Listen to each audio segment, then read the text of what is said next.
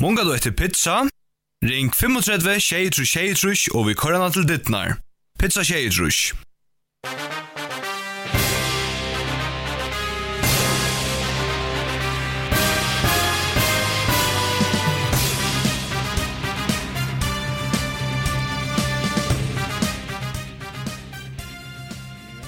Og velkommen atter til uh,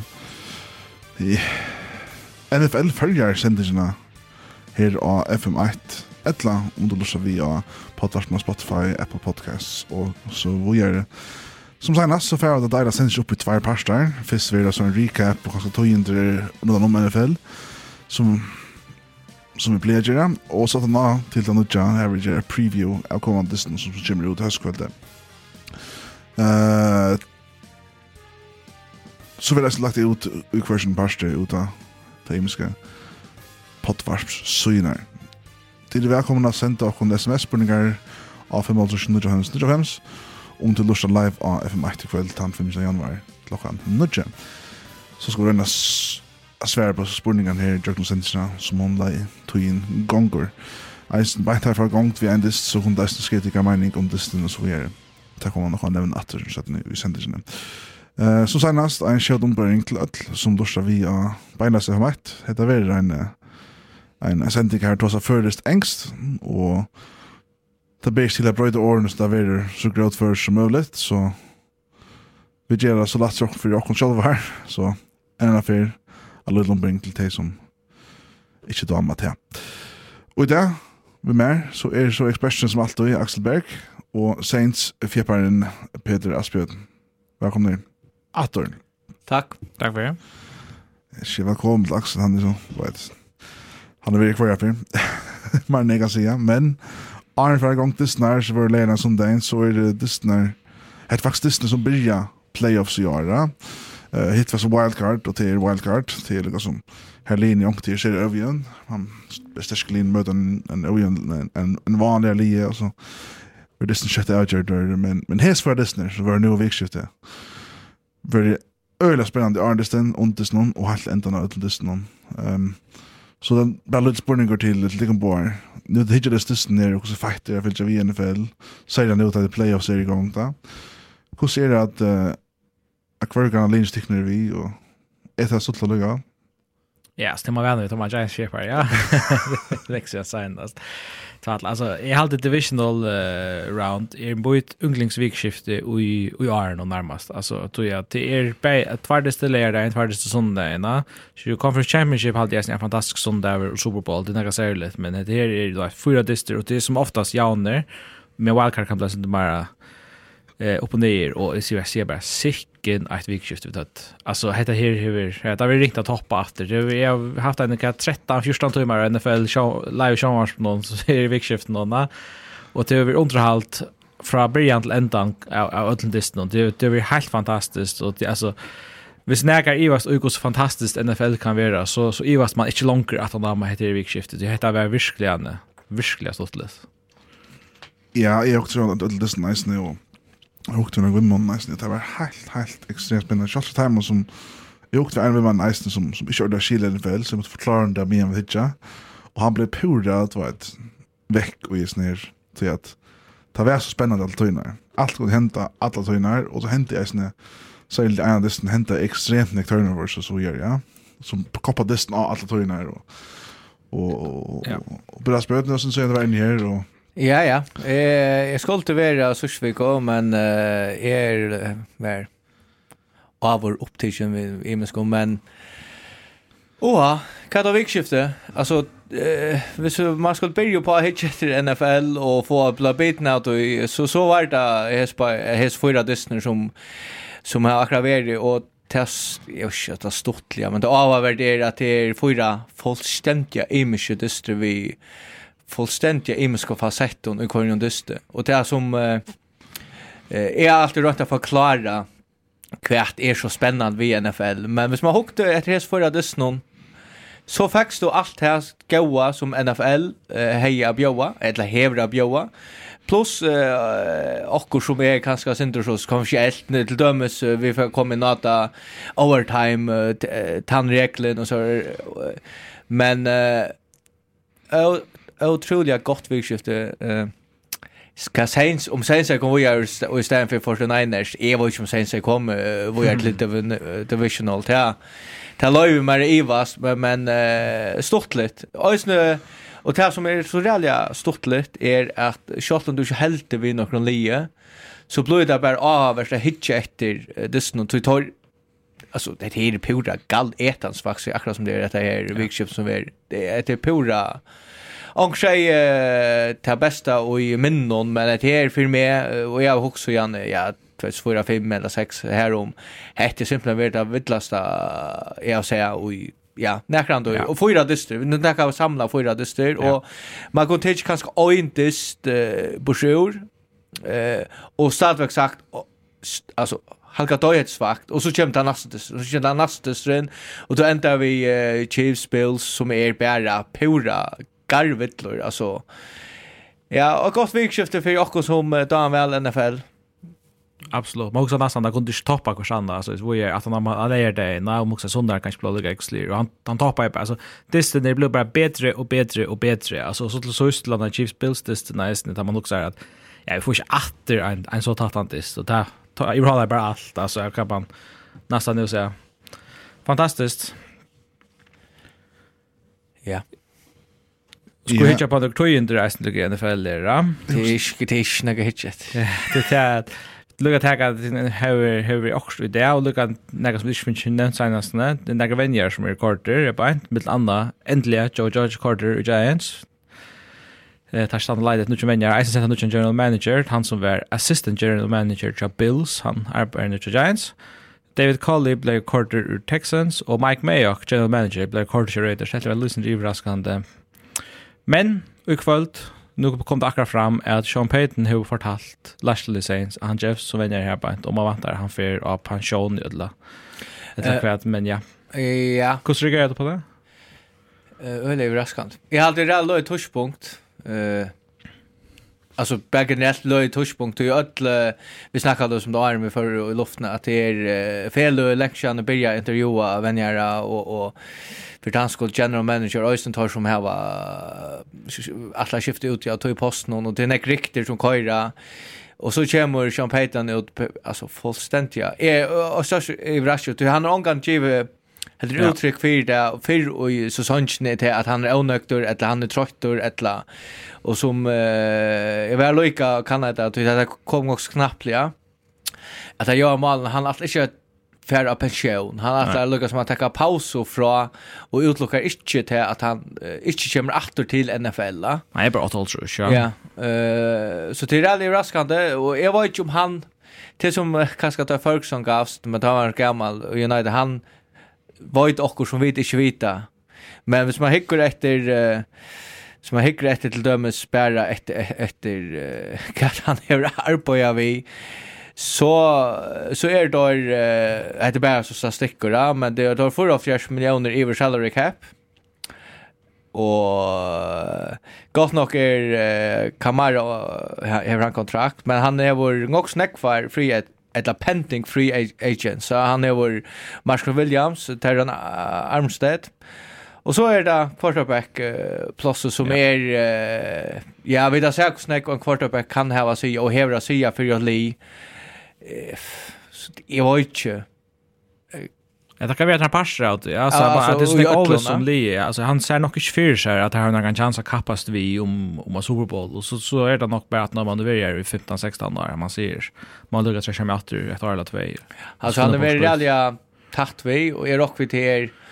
Jag också, jag vet inte, Katja måste vara sjönen till honom och halta av. Och, och helst nu, alltså han har haft Uh, flera och tar, Hade gärna vilja säga tar, kommer tar, tar, tog att eh, defense shot han var så gott Ja, så jag tar defensivt, Men men att det var öjning på det offense var inte alltså det var inte kvalitet tror jag inte om om det var en viss kvalitet bara så har du quarterback som helt inte levererar upp till till standard som krävs att komma ja. här till. Det kan vara så och plus vi salary cap och allt det att han också är vad ska att alltså ja, jag har inte nog eller eller eller han blir trött av det, ja du kanske då den kör så ordentligt att är klar att komma upp till Super Bowl vid just linan. Jag vet inte, det kan vara det. Han, och, och som du säger, han är, han vill nog klar rätt hånden, ja. Nämligen, ja. Så ja, så 2005 allt, ja. Så ja, jag vet inte... Eh, Ibland ska inte vara det för det har alltid, Det var tog konsen som har tjock helt det. Och så spårningen kvar eh, kommer... Eh, eller kvantarskola och täcka som oftast... George George. Men eh här är några spännande kandidater ut. Ja, alltså till en spire offensive coordinator Brian Dayball, han nu intervju i Giants Eyes hope you end här på. Då Eric B. Enemy for Chiefs, Brian Flores ligger ändar där på. Här något också spännande kandidater till uh, Kellen Moore, cha Cowboys för några få head coaching job, Byron Leftwich, offensive coordinator job box. Brian Flores, han kanske vill gå med den här. Det tycker vi väl, ja. Det är så vänjer. Ja. Men då säger jag eh nu har jag bara Lucas som det hade hänt nu så det är ena som man häver till er. Så några få kälter men det är bara cheatingar men men Dennis Allen som gör så gott arbetar som defensive coordinator han är topp alltså kandidat och kanske attack i vår men jag vet inte. Så nu nu har det så blackout shellt in och som som Dan Quinn som är defensive coordinator för Cowboys. Och Oksha Buccaneers, eh, Byron Leftwich. Ja, og i Todd Bowles er eisen evident i flere stands, defense coordinator. Så jeg var, eh, hadde bare cheating, at det er seks eller tjej li som skulle hava ja. coaches, alt ja. Ja, er och vi vill komma till oss som coaches så vi är och, och, ja. och nästa år tar jag fotbollsveckan blir så vi är det.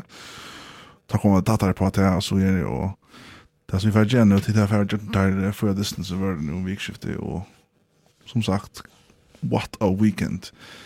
Fyrst det vil var, vi var vent i hødde, så tar vi tann dissen som var sørst, og han blir klokkan halv og tolv uh, søndag og livet klokkan halv fyra.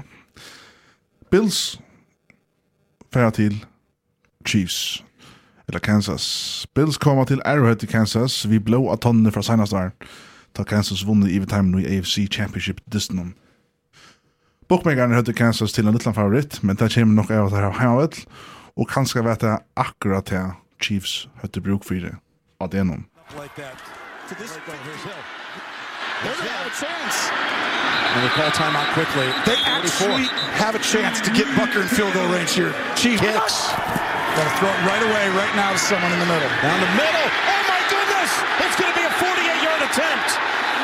Only 48 yards. That's what it'll be. I just when Kelsey moved his leverage at side, I was like, he's going to throw this right here over the middle quickly.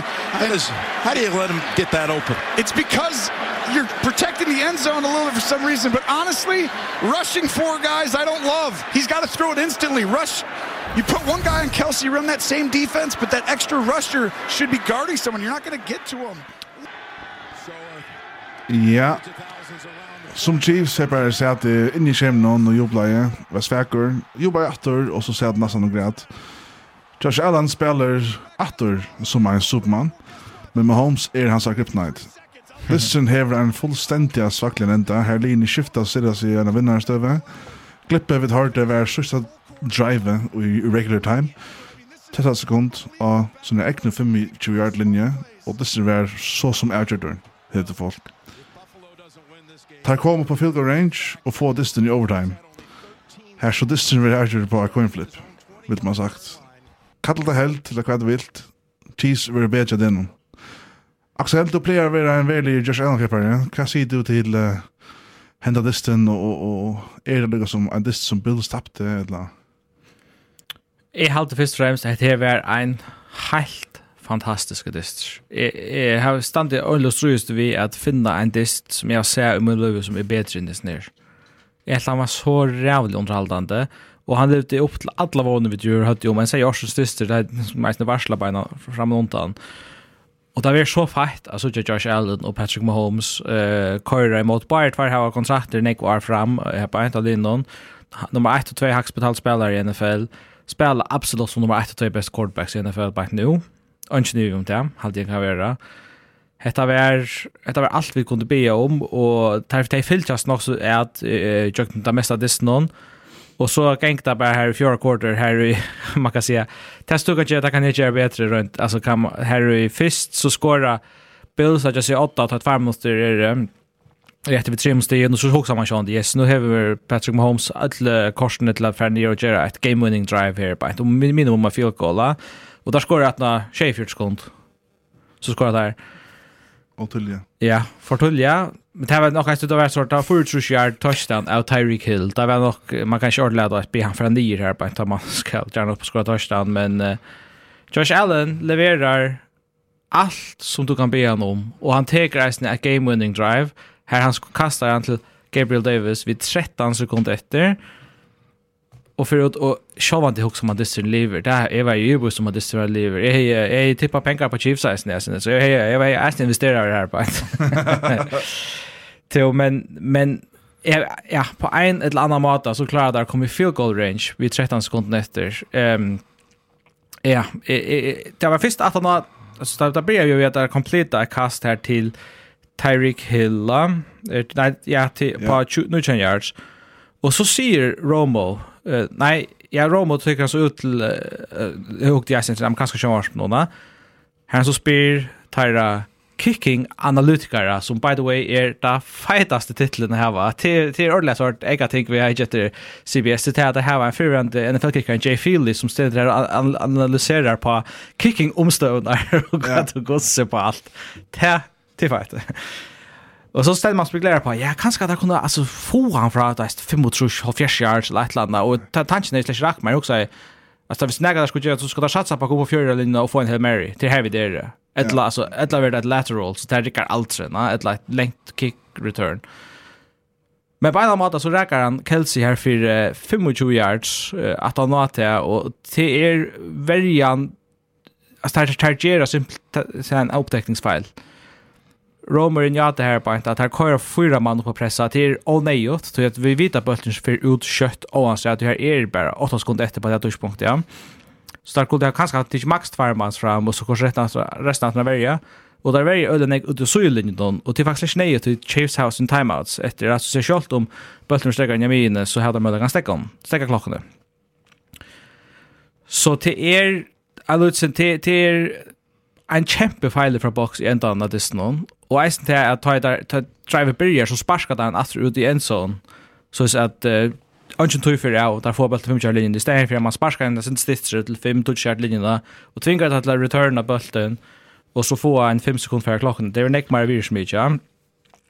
Du har sett så Bills tar tar tar dumma sig. Men det är simpelt en quarterback som är wild var här kan man se någon gå imponerande det är och tar tar skumpa på annan på ett nivå som vi inte har sett för tänka på annat vara bättre om man alltså ja, man kan säga att akkurat har man helt att Josh Allen har sett Patrick Mahomes skaka ball så visste han. Ja, jag kanske är bättre. Ja, det var en god så vill vi just nu på det spelet. Ja, men jag vill uh, snacka om det senast vi stäcker två det senast drivna. Så var det också en att bäj är och att ta skett spåren är till vi clock management på för ja, hur ska du sparka ner till touchback? Eh, hur ska du Det var så så tänkte du chanser för att att att att kick off return. Ja, men helt det här när jag med Holmes Marathon. Alltså du du hick rätt. Det är alltså kontax. Du kan inte se. Du har två du har två för när lova men som rätt return och just det någon och för 20 yards och för 25 yard. Eh alltså ja, det var helt starkt som står. Ja, det är starkt. Nej, det är Michael Hartman som står. Ja, va? Ja. Men Hill hej jag har turnat för 6 ja. Ja, på return ja. Ja ja. Men men du du du kunde bara jag var inte jag har alltid att jag kände så Och så gav du en chansen och så täckte du inte upp och med alltså middel och och Chiefs har två timeout. Alltså och tog två kast. Eh 25 och 19 yards första. Pum pum. Så är det. Och så är det Botker som är bara på löjtlöjt nästan själv. Ja, jag vet inte. Brent Arnas. Ja, och han bränt ja ja, han bränt ju arren. Ta rockna kött det var så gående. Men han levererar ju ända så då för overtime. Alltså tar man var jag skriver just nu arren, men alltså det kickar mo absolut hava en överskrift och just när förra dessen och du tar av alla levera faktiskt. Så det kan försvära mig Arne nästan. Jag säger säger nu i sista podcasten att det är ett cheese för att höra bilsa. Och lejaren och lisjebarnen och och som är uh, liksom driv main oj secondary char Chiefs blev skatter tullje ju distan. Tar Matthew. Tar Matthew. og det er brøyte Chiefs secondary månande alltså. Och til til tog i halv distan stats. Så kakig är jeg at Chiefs för att vinna fotboll. Ja, och uh, sett i skrifterna i vår värda vinnaren av Super Bowl som vi såg og jeg det. Møter han en Bengals lige nu som... Uh, er det ikke Bengals, jeg skulle lukke opp. Joe Burrow er... Vi kommer her til løsene til fullstendig, ja. Men, sier jeg skal ta at 2-4 stien der 1200 Chiefs og seks til Bills, og Bills er defense i right ligaen.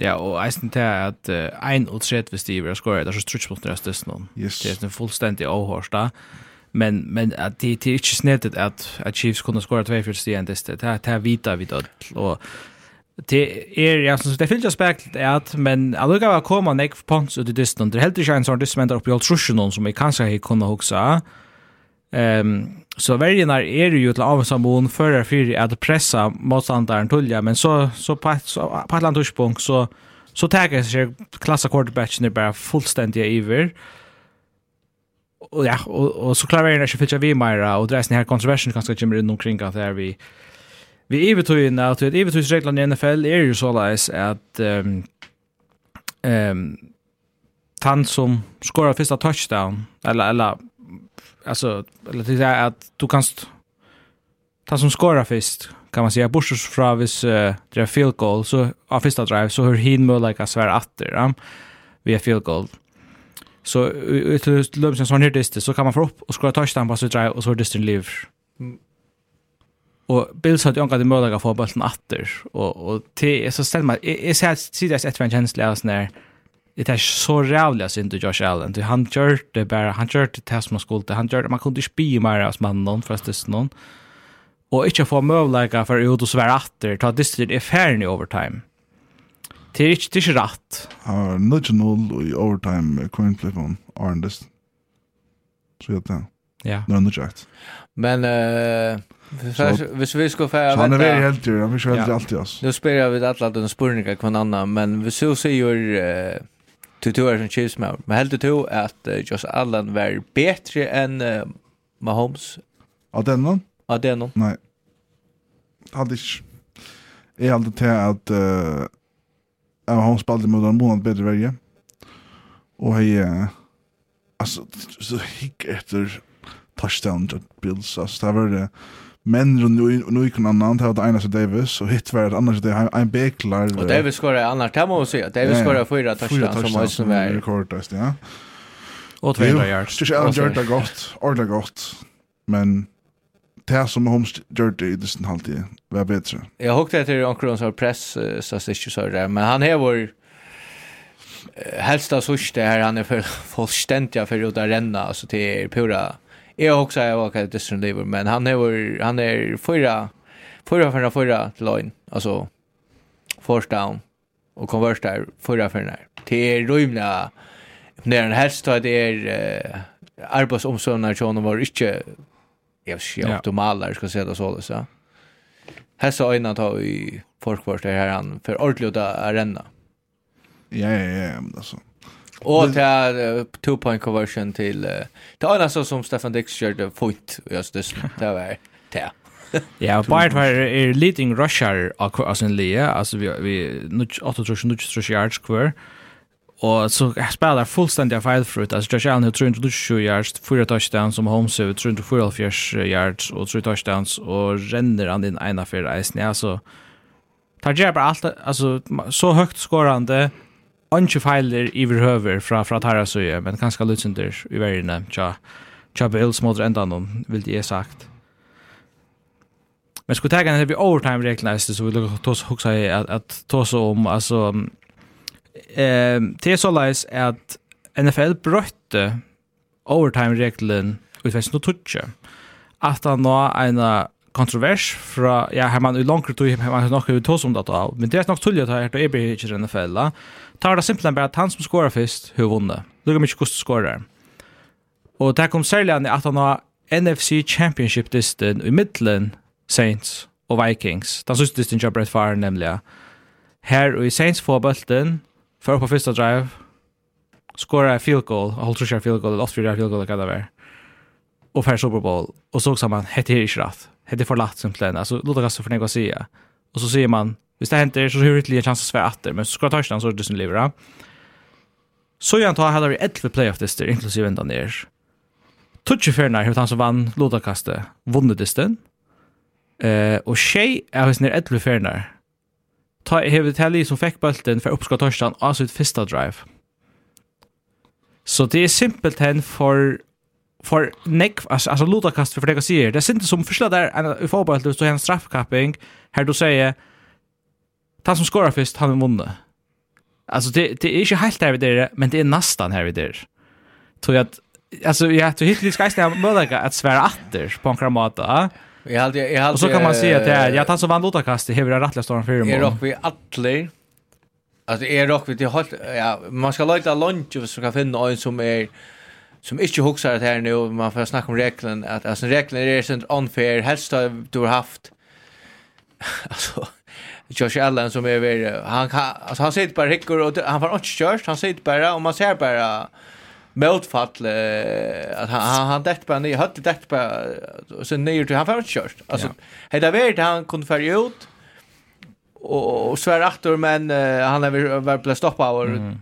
så hade vi ett gå till för hans lä Chase var bättre den han har angan mål like av visa att du vet att det är den rätta vinnaren som ständer efter. Det är aldrig det är som mest unfair. Nej, jag vet att det är så som för två tre månader sedan. Ta Chiefs tappade mot Patriots. Arrowhead att han hade häpat. Och ta Chiefs hade hade kardiet uppskott upp på att få det som lax blev det stämma ta men det verkar som en ställning i bra sig sin NFL. Där spännande så som där gör näka att NFL ska ha ros för det här tårar faktiskt att göra regelbrötingar vis.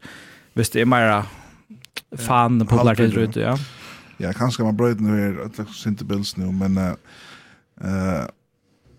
Det är ju inte. Det är ju inte, men alltså. Ta god jag har respekt för Josh Allen och, och Damon och, och Mardama Binsley som helt. Men, uh, men uh, jag har alltid blev uisenig tås om att han hade den hur går Josh Allen var och han borde vunnit den, han spalt perfekt och värjan uh, tapptes den och det betas för lite om innan affär hur så går med Holmes och hur så neck var nej haters han är vår moprik va som han har haft gjort allt år nu den spalt så väl så gör ja. Nej, jag säger inte att han att han borde vun. Jag säger bara han fick några mål lägga till Avois om han kunde. Jag säger inte så är det så dutter så gör ja. Så så och, och allt fokus för han bröt ut till reklamar. Är sen för att Chiefs spelade fantastiskt vundesten. Tapp tapp tapp på till alltså och det skiljer sig väl va. Men det är såna karma kanske till till att för timmar sedan som också säger att här vill bara reglerna att säga nej och så gör det detta.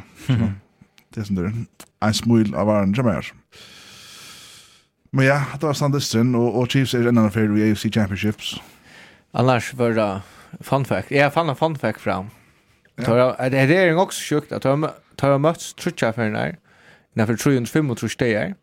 Skår är Chiefs 100, Bills 8,5.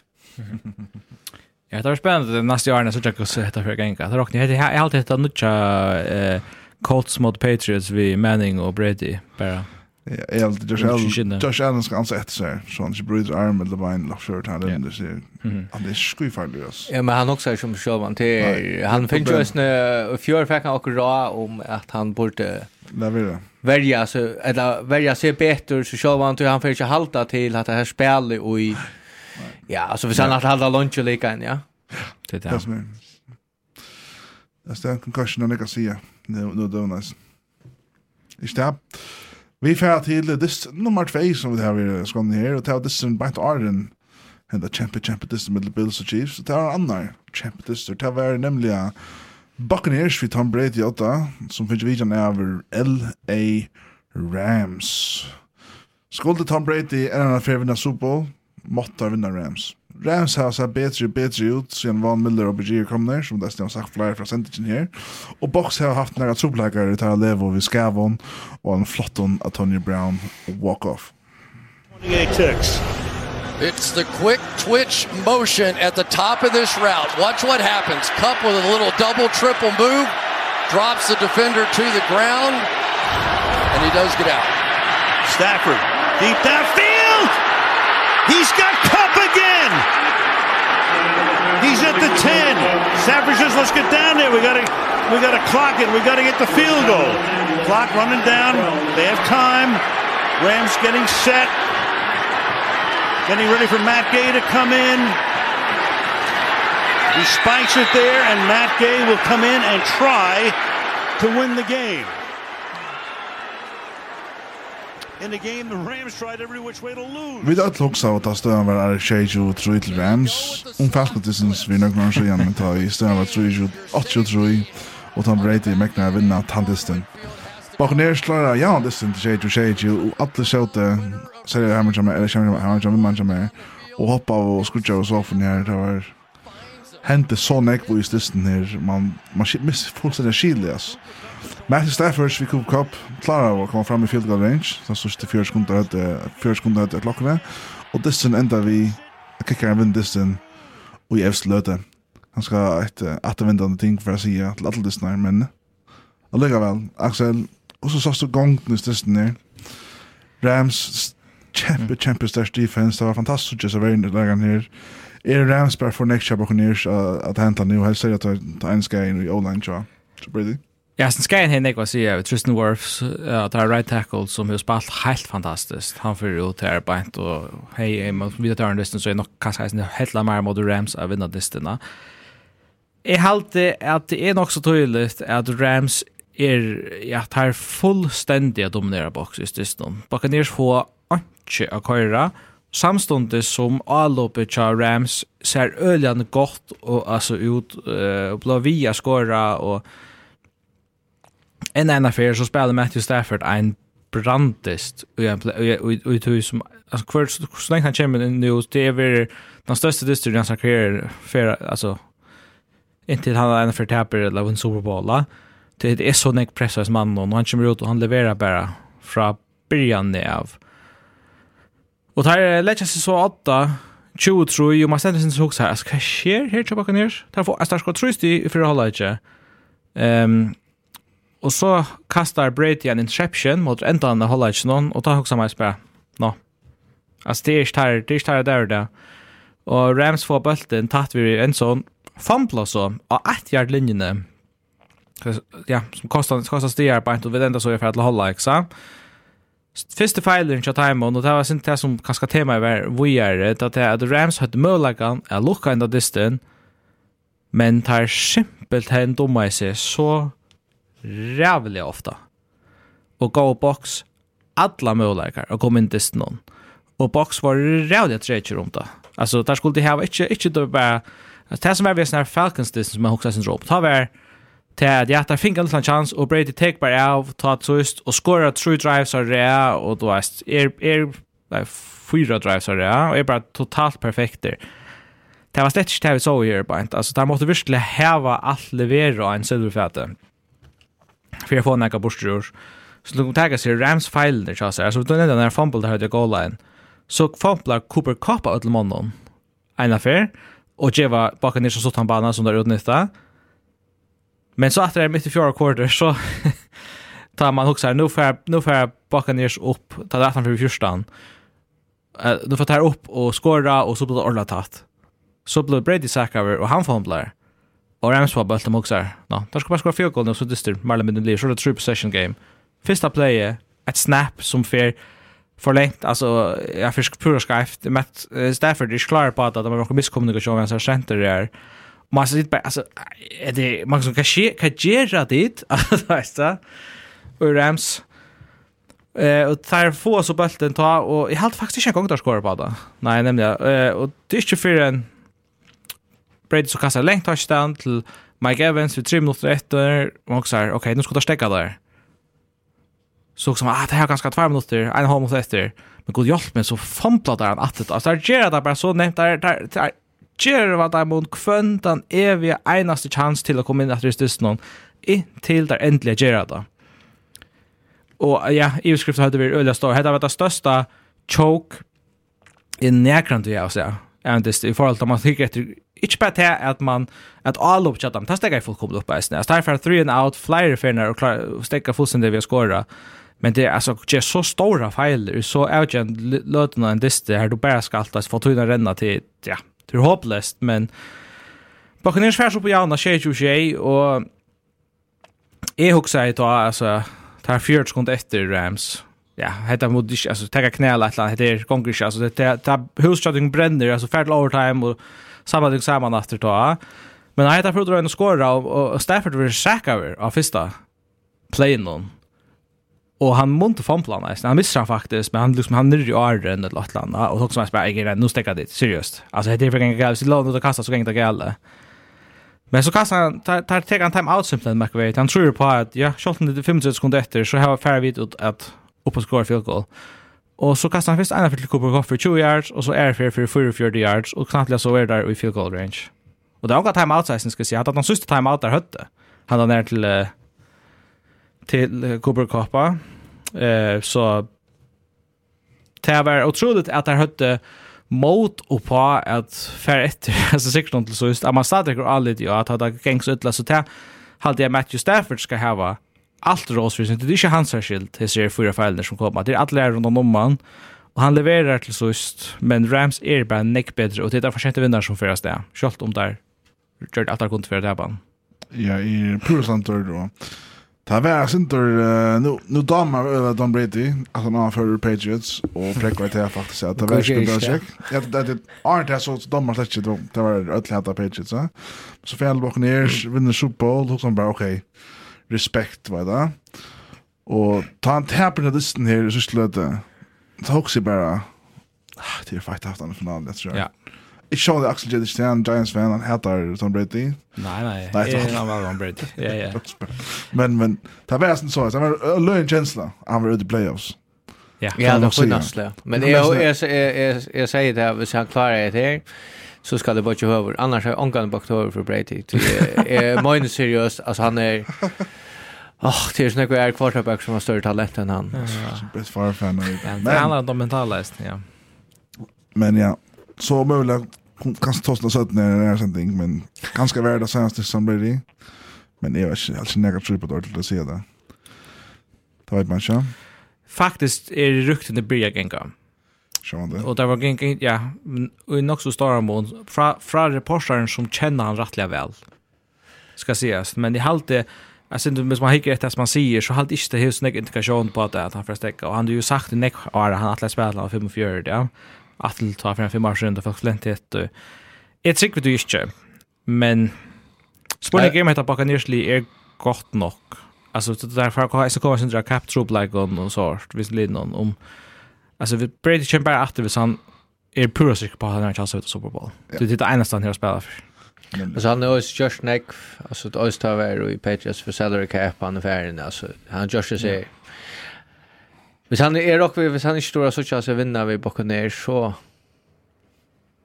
så är han men är och vi han vill nästa år. Han vill vinna. Han vill prekvada. Ja. Ja. En av för distans är um, Rams är det Argent. Vi tar så om Rams nästan. Ja. Det drar all or nothing sammen, no? Det her var just noe helt annet som ønskelig enn det igjen at gjør. Kors draft picks, samtidig var Arne vekk. Det er språk for draft picks. Det er takk av menn som gangar krukken og nesten gymner og problembøt som OBJ og så videre.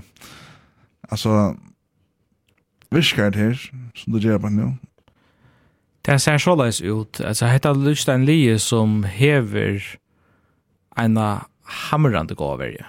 Helt, helt. Ordentlig, altså, og jeg hadde, ganska att det første sannsyn förra gången. det at det så heter trade for Von Miller och helt av syns ja han färden men Von Miller spelar oh som God. en topp 5 defensive end i NFL. Yeah. Alltså han hade det var prime time Von Miller att nu. Yeah. Han var fullkomligen fantastisk just någon. Och jag har han sån Aaron Donald. Er till till nästan inte rättvist. Så Aaron Donald fair konsekvent ein mot ein matchups at det samma du kanst ikkje fokusera så mycket på han tror jag att Eisen Hava, Von Miller och Leonard Floyd att komma in och som är farligare. Och så Aaron Donald ger gosse en fem place här dessen någon här är situation hur man hickar bättre alltså heter heter fullständigt svagt. Då då tar man någon kvar. Ja, han är han är den bästa världsspelaren i närgrann jag säger. Det är han. Jag hade han är absurd. Han är alltså så att en människa är kunde göra det inte som han gör. Pröva tid och hicka sin googla sin Robert Donald om han alltså han är han är fantastisk. Och ända vägen är skjut stark och där halta där uskak. Buccaneers det gör det visserligen. Alltså där det är snägt där få och ta där skora så är det ofta bara stotta banor att andra fejler så som vi George här på inte. Och allopp är här är allt möjligt gott och det här tar tar left tackle som är mega viktig för Andrew Whitworth för Asnew. Han måste gärna komma åter till att ta bruk för honom. Och så hade jag ju till receiver time med Cooper Cup och Odell Beckham och time Matthew Stafford spelare som han har gjort och så tar det snart så är det här ja så ska jag stottla så om det här inte är alltså kanske fotboll har det där eller tatt på. Alltså det här att det är snurr snägg om väl Matthew Stafford kan göra kan göra och han har gjort det så så gott man hör kan be han om. Heter det är för Sverige på Bornage helt säkert och där spelar en en öle gåndist halvt. Det kan jag äga som klarar sig finna så slä. till tøyer, men kanske ett för meg popcorn framför sofaen. Jag tänker inte säga Mr. Bolton mister bolten den tror jeg fyra. Tværfer? Han missar han tvärför, ja. Tværfer, det er sånn, jeg er skulle lofte han nesten, han flyr bare den hentene, som en.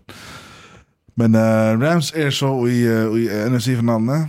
kan man se om tøyer, Och här da møtes vinnerne av Packers 49ers som i nästa distanse kom av skranne.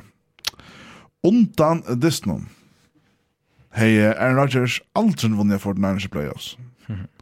Og det som er så sier det som, er til at for den nærmeste ikke valgte henne i NFL Draft i 2005. Ta heian faktisk hetta siden. Disappointed are you that you will not be a, a 49er? Not as disappointed as the 49ers will be that they didn't draft me. Ja, så så har en Aaron Rodgers har Super Bowl och kommer nog i Hall of Fame en av er. Uh, Packers är större favoriter, men som uh, halta av 49ers är undervärderade och i som playoffs. So the last three games and it's blocked. Up into the air and spinning inside the 10, picked up and a touchdown. Hafar the return for the touchdown after the block by Jordan Willis and the special teams. Jordan Willis vi en flott og flott blotje her. Vekker vær ikke det beste. Kalt og kave.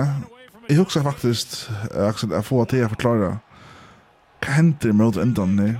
Packers er framfor 23, og er low scoring distor, det er fyra homos etter det här var pont. Och man får vänta det hvis Fortnite skår touchdown så kunde Aaron Rodgers visa game and drive vinna listen men uh, vad ska hända det istället där? Packers skår touchdown sti det här var ett, ett fullständiga packali. vi kött och spelade alla stanna här var en gammal vänjare där här var en bästa quarterbacks i NFL alltså vad är det problemet med att Fortniners Ja, alltså det här är bara sövan som inte täcker till Aaron Rodgers. Det är det och det är fuck alltså som som man så neutral inne för så så hade jag det är ja alltså synd är nog inte rätt ord. Det är lika som vi Josh Allen där man också hade chanser skilta. Till till är förvånande att det att han han han ger det efter att han tappar en playoff det som han nog borde ha vunnit ehm så ja alltså gången distan är ju lätt att att tulje distan halt är packs för vant jag därför fullstendig stavdes nå. Der skårer touchdown i første drive, stekker for Niners för og åter och og, och så skåre atter, skora så boxar nå ok, Packers er klar. Tar för taggarna i resten og, og lever opp til favoritläget låten. Så famblar Mercedes Lewis. og at han har til, så har uh, Packers fem drives halde der, men det er 20 plays og 22 yards. Tar all upp stäckar fullstendig opp. Aaron Rodgers skorar tre styr resten av dysten Av heimabana. Og i en playoff-dyste. Hette MVP-maver, hette at han vi kallar for det mest talentfulle nærgrande. Og det var kallt. Det var kallt og det var kommet sin vinter, men det er ikke noen skyldninger for at skoet tutses til. Ja, optimal forhold for Aaron Rodgers i mun til for Niners, som ikke vann vi å spille så vekkere. Ja, men det er ikke godt nok, og hikk meg et maten han spiller på eisene, så fer han och en sån ringan värna han häver vi att fokusera alltså han, som han missar sin ögonblick det någon han fer ganska centrist ner hero mode ehm um, han har two completions det någon Archan Adam Earl Aaron Jones och till Devante Adams han häver alltså han kastar en för Marcus Lewis och en för till Alan Lazard och det någon och så är han några att säga att här som som inte loftar honom till och med. Två, ja, 18 av 20 og ah, det her playet som tar så ta distance så er jauner ta hava Packers bulten til å kunne få opp Jack Gamen i drive. Og hugsa man sjón det ja nu skal jeg Rodgers taka við at du spalt illa og du stay fast at det snå men fær nu opp og levere til game winning drive og send each other we are og evil live enda distance og der der klarer ikke der klarer ikke gjøre det han kastar bulten av 3rd and 11 til en dob en Devante Adams som er double team over bulten er fjærsne segler for lengt eller alt Og hekk om etter, så har han Alan Lazard vui åpna, 20 meter nere av var, altså han var så åpna, öppen att kunna bare bara helt om han ja. till. Ja. Så etter dette är efter Aaron Rodgers. Det gjør det og vi kan ta kommer också til mer om om han uh, Armit rundt denne här Disney av har vi kanske til mer om han uh, men for nine så har angav man sier no business jeg vinner denne det. Det er alltid et nästan man skal ska säga. Tar hänga att han har där skora kan det vara så där skora släckt ju för hålla ja. Nej. Få så feel goal i tre kvarter. Is is stat här snär. Vi håller ju också. Skulle skifta till trailer. Sätt vi tackar någon alltså så så. Och inte rycka ju där man. Men Packers lukkar ikke dysten. Og det er ikke som i fotboll. Man kan säga ja, ja, här hever bøtten nick bättre lat. lagt. Du har ett mål av måned, hvis du skjeist i mitten lignende, så skal det bare et play till och det är det som kommer. Blocked punt, til tutsi tutsi og dyster i janer. Men helt du, altså, jeg held ikke at, at jeg er Jimmy G som vandelsen, jeg held det simpelthen at special teams ja, Packers var så elendig. Altså, jeg tar ikke så foiler som... Uh, special teams vandelsen, og taptes. Ja, og taptes, men tar ikke så foiler som... Uh, Så man ser, alltså det, det är ohörst, då helst när man kommer sån där, divisional play, och man, det öra sida, och ja. packar sig inte i vår, alltså det här så, det öra sida. Så, och nu får jag snacka om att, ja men det var en foiler, och, alltså Torrento, ta special special teams kvar center för i år. Och för inte ut och hetta han och en som är gåvor kan säga så. De har tagit en innan hos organisationen så voice så är Ja, det har kostat dem. Ja. Dysten. Så att det var oh, Alltså det var så rookie mistakes. Alltså det är massa vatten, va? Och touch massa vatten så såna saker. Det är nog, Det första är mot ändan av highlights då, det här där field goal attempt som blir blocked till att där, ja. Ja, blocking systemet hade rycka issue. Så det var block field goal. Ja. Och så som säger där blocked på, som vände dist någon fullständigt hött någon. Och så game winning field goal så där mot det här touch massa vatten. Det är det är amatör sporter. Det är Beltent inte okej i NFL. At det viktigaste play som Erik Kappingar tjadar här er at du inte mann så vet noen. Så tar det også beskyckar. Men för att som Jimmy G hästna. at han er, jeg som sier, det er blod tutsi tutsi. En Rodgers fra bulten ena fyr, fyr, ja, klarer klarar gjerne ega, Jimmy G fra bulten, og Jerry game winning drive. En ena fyr. Og Jeg er ikke fan av, av mannen. Det har jeg, at jeg har sagt ofte han og, og han, altså, han sa Ivor Orna Statline, 131 yards, en interception. Det er ikke det man skal råbe hurra om, men han hever noen viktig plays i enda endan distan som er vi til å Aja distan. Han hever et lengt kast til, uh, hva er det, til, uh, til Debo med den andre, og, og Kittle, ja, først til Kittle, og så til, uh, til Debo at han var. Og så, eisen, Debo Samuel er han som er det sted. Det er faktisk hva det skår. Det her var, han har bare et lengt return, en av fyrir noen. Han har lengt uh, run, og så av third and seven ta der renna bulten så renna han for den første, han som gjør det, tog inn for alle vi nyer och för Niners kom i realistiska field goal position og som gjør det der kunne skåre. Jeg har alltid alle oppe som får pura veckis det snom tar gera akkurat nok til å vinne vi, vi tar der få at lukka det til sist. Jeg har alltid sagt ikke Jim Kivan og dyst. Ja. Nei, det er ikke... Altså, du, han, altså, du sier, han er tvei viktig kost, ja, men uh, ta dørs kom her, så skal du bare gjøre at det er så plikt å finne, at det er som... Uh, du vet, om man skjuter en bult, vanlig fotboll, uh, mamma, det er som et kost som mamma skapar Bjerg, han har ikke gjøre det, han var halvdig i. Jeg hadde bare special teams, og Packers var bare så rævlig vanlig. Så her, med pinen regular season som... Uh, Som ikke gjør det. Som ikke gjør det. Som ikke gjør det som helst. Nei. Lisbergs helt han vi allt där. Och där man lyckas komma in då att där vi vi vi Aaron Rodgers så att ja Aaron Rodgers vann en Super Bowl eh och sitt första för han var playoffs i sin karriär. Han sa att han för Brett Favre det kvar och detta var så i 2000 touch och touchcappingarna halta vara så 2011.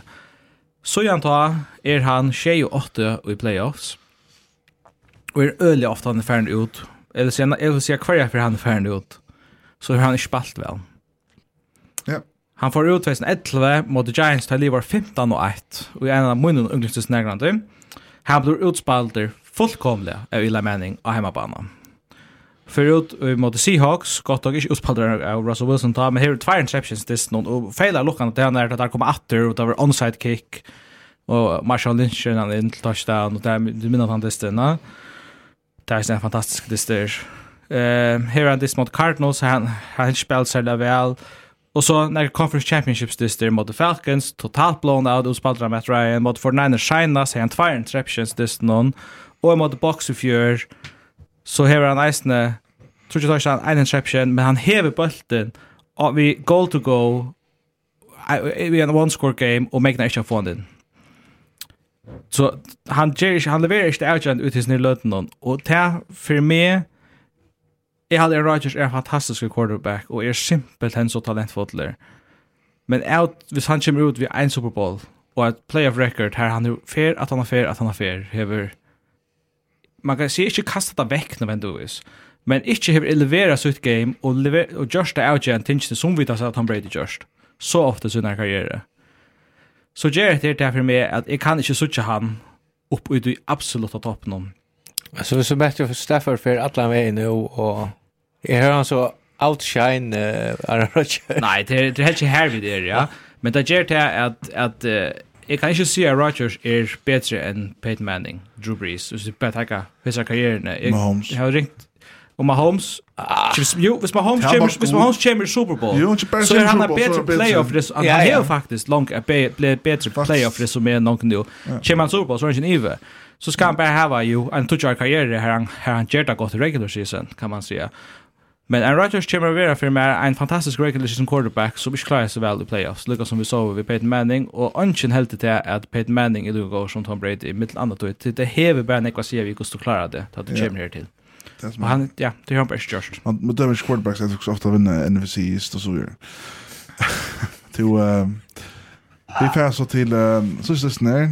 Ja, är en time som inte så väl Aaron Rodgers. Men jag hade bara för arrogant som helt. Men det är att prat är att vi är också ganska vi en för till Steelers och så gör man vet man är i i i Packers nästa år nu det är 40 miljoner cap som det här är på. Ja. Och vi sätter sedan nu så kunde det släppa av undan på betala hon 40 miljoner dollar ja? så det är liksom upplagt att den här borsten nu. Ja, ta, jag vet inte att ja, han inte kommer att... Ja, han får också Steelers ja. Slie, ja, så sitter här tropläkare till att få byggt upp och man har tagit sådana lunch och det här har Jordan Love att han fyrir. Jag vet inte han säger visst där att han, han för... Alltså det Han, han vill svära mer. Och han ska fälla liv som är bättre. Det ligger så upplagt. Det är att ta fjörde miljon dollar om lei, i pumpar salary cap. Och om det här nu så ser det fra att betala nästa års löna. 4 miljoner dollar. Det är så det här långt just klart och i liksom tar det som budget i att vi tar det här ett ärligt. Det smäcker rätt. Ja, men jag jag vant det. Han för alltså hetta det sista vi sa i hon Green Bay. Ta vant jag. Ja. Så Inte helt säker, men men är jag följer mig nog så vis nu. Annars skriver han in där att Sean Payton sänder NFL, NFL kom ja, söker som head coach Saints. Så då kan det ju mer allmänt.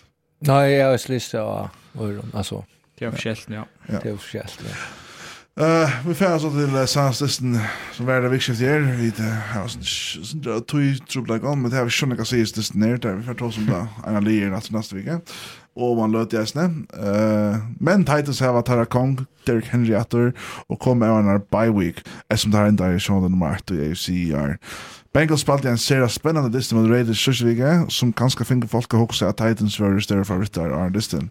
Men listen, vart tattere, en bookmakern Jordan. Kick the Bengals into the AFC Championship. Harris the snapper. Huber will hold it. 52 yard. Sweeps the leg. McPherson. He's got it. Cincinnati wins.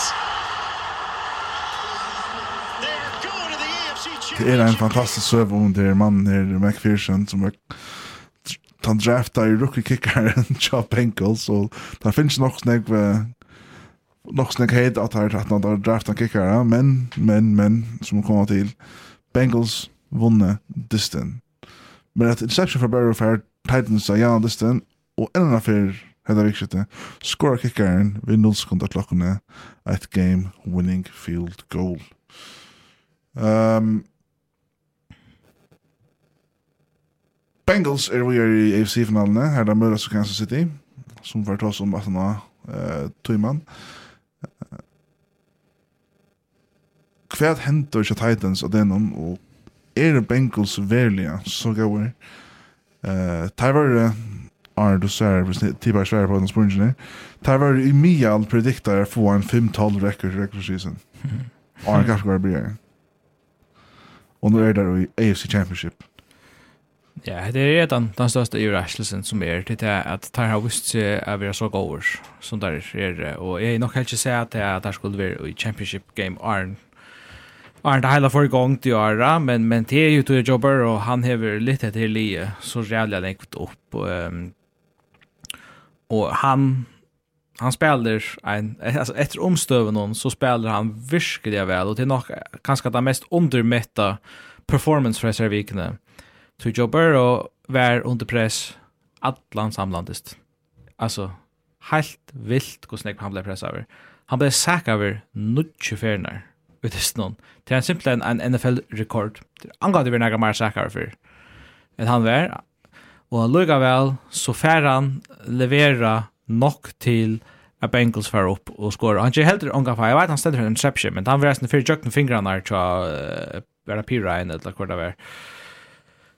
Ehm um, så öliga imponerande i honom och Bengals tar ja, tar all upp ger, ger nok, men det är inte bekymrande att det har så riktigt vi har stäcka sig Titans defensiv som nog inte känd för att vara tandstärskaste i för på näkra mata. Men vad är det som avgör det? Ta mig säga som är att i halvt är Ryan Tannehill, han, um, han, kan, han kan sända det veck. Um, faktiskt stort och grejt. Ja, Derrick Henry, Derrick Henry er atter, og han ble nok så elmarskar. Han ble rendt bøtten 20 ferna for 2 trus yards. til er reallig godt uh, run defense, og tja, tja, tja Titans. Men Tannehill kastar interception av sitt fyrsta kast i distan. Og så har han en red zone interception, eisne, på et tidspunkt der. som tar nok større ut, han man er i skåringsposisjon. Og Titans har bøtten til å fra nian og gjøre et game-winning drive.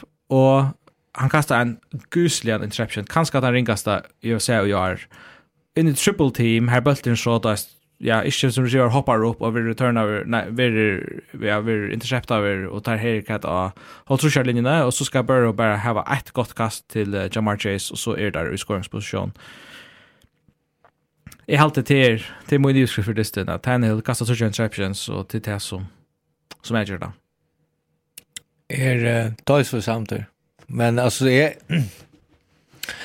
jeg halte at du har hypa Henry upp till att nu kommer han att och allt det. Men han klarar sig att Mauren är jag var ju inte Mauren i form men som mellan så klarar han så det är näka vi tar att det jag dömer och ösnen att att du han var bara simpelthen inte han får trött rätt att du han är inte här, men han har vår uh, two point conversion klarar han inte och han har en fourth and down fourth and one som han ska renna för kvarter som han helst klarar. Alltså han han vill stoppa det är inte bara det är till att han och Berges om att komma